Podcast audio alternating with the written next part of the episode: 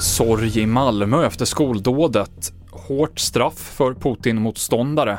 Och svensk konstnär får barnlitteraturpris. Det är rubrikerna i TV4-nyheterna.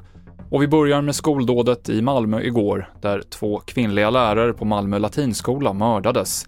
Det har skett flera skoldåd den senaste tiden och Johanna Jara Åstrand på Lärarförbundet säger att utvecklingen är skrämmande och att lärare är utsatta.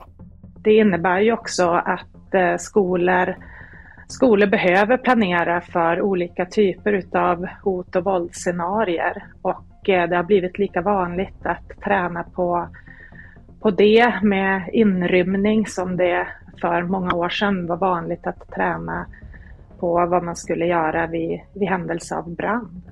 Och på eftermiddagen samlades ett par hundra människor utanför Stadshuset i Malmö för att hålla en tyst minut.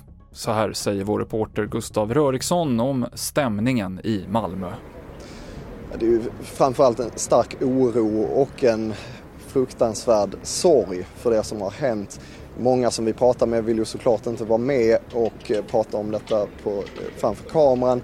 Eh, igår träffade vi till exempel en mamma som väntade på sin son som spelade basket inne på skolans område. Och hon sa ju till exempel till oss att hon funderar på att flytta ifrån Malmö. Mer om skoldådet på tv4.se. Den ryska oppositionsledaren Alexej Navalny har idag dömts till ytterligare nio års fängelse i en ifrågasatt rättegång. Enligt anklagelserna så ska han ha stulit stora summor pengar som donerats till hans politiska organisationer. Men domarna mot Navalny ses allmänt som ett sätt för den ryska regimen att se till att han inte ska kunna ställa upp i val. Vi avslutar med att berätta att årets Alma-pris för barn och ungdomslitteratur går till den svenska bilderbokskonstnären Eva Lindström. Hon har tidigare bland annat fått Augustpriset 2013 för boken Snöret, fågeln och jag. Almapriset instiftades av regeringen till Astrid Lindgrens minne och prissumman är på hela 5 miljoner kronor. Det här är andra gången som en svensk får priset. Första gången så var det Barbro Lindgren.